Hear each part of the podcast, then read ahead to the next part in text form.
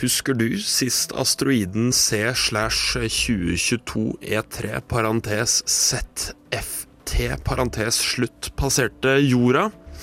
Ja, vel, da må du være 50 000 år gammel, for det er så lenge siden sist den passerte jorda.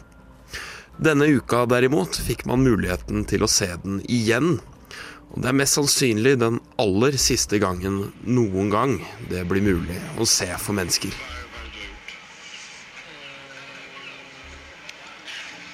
Dette er fra da jeg og en annen som var ute for å se etter kometen denne uka.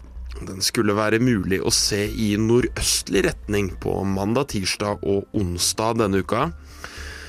Det man skulle se etter, var bare litt forsterka lys. Aller mest spektakulært ble det om man brukte en kikkert eller stjernekikkert, eller bare sto og stirra på den over lengre tid. Ifølge et kart på Norske astronomiske selskap så skulle den dukke opp mellom The Big and The Small Dipper. Det er altså da mellom Karlsvogna og et eller annet annet stjernetegn. Ikke bare skulle det se spektakulært ut med ekstra lys på himmelen, men den skulle angivelig også være grønn. Når man står ute og ser på stjerner, så er det ikke rart at man blir litt funky i kognasjonen.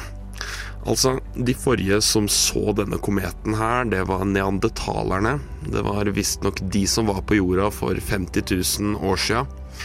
Etter at den passerer jorda denne gangen, skal den visstnok gå ut i en bane som ikke krysser vårt solsystem noen gang igjen.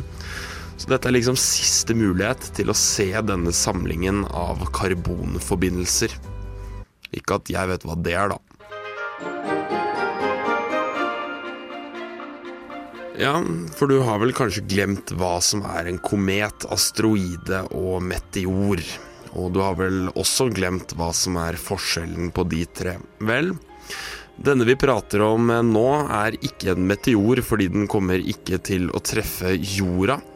Den er en komet fordi den har en hale av is og gass som kommer fra solvinder fra sola. Halen peker derfor alltid bort fra sola, ikke sant? Fordi den på en måte kommer fra sola, du skjønner. De fleste asteroider kommer fra universets opprinnelse, og de fleste asteroider i vårt solsystem holder til i asteroidebeltet mellom Mars og Jupiter. Så sånn er det nå som det er. Men tilbake til jorda. Frognerparken, for å være litt mer spesifikk. Det er kaldt, og det er to karer som står og gløtter opp mot himmelen i håp om å oppdage noe grønt. Etter hvert så bestemmer vi oss for å gå hjem. Vi så ingenting, og det er kanskje fordi det var overskya.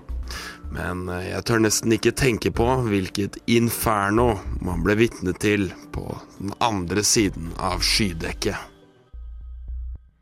Reporter i denne saken, det var Carl Biel.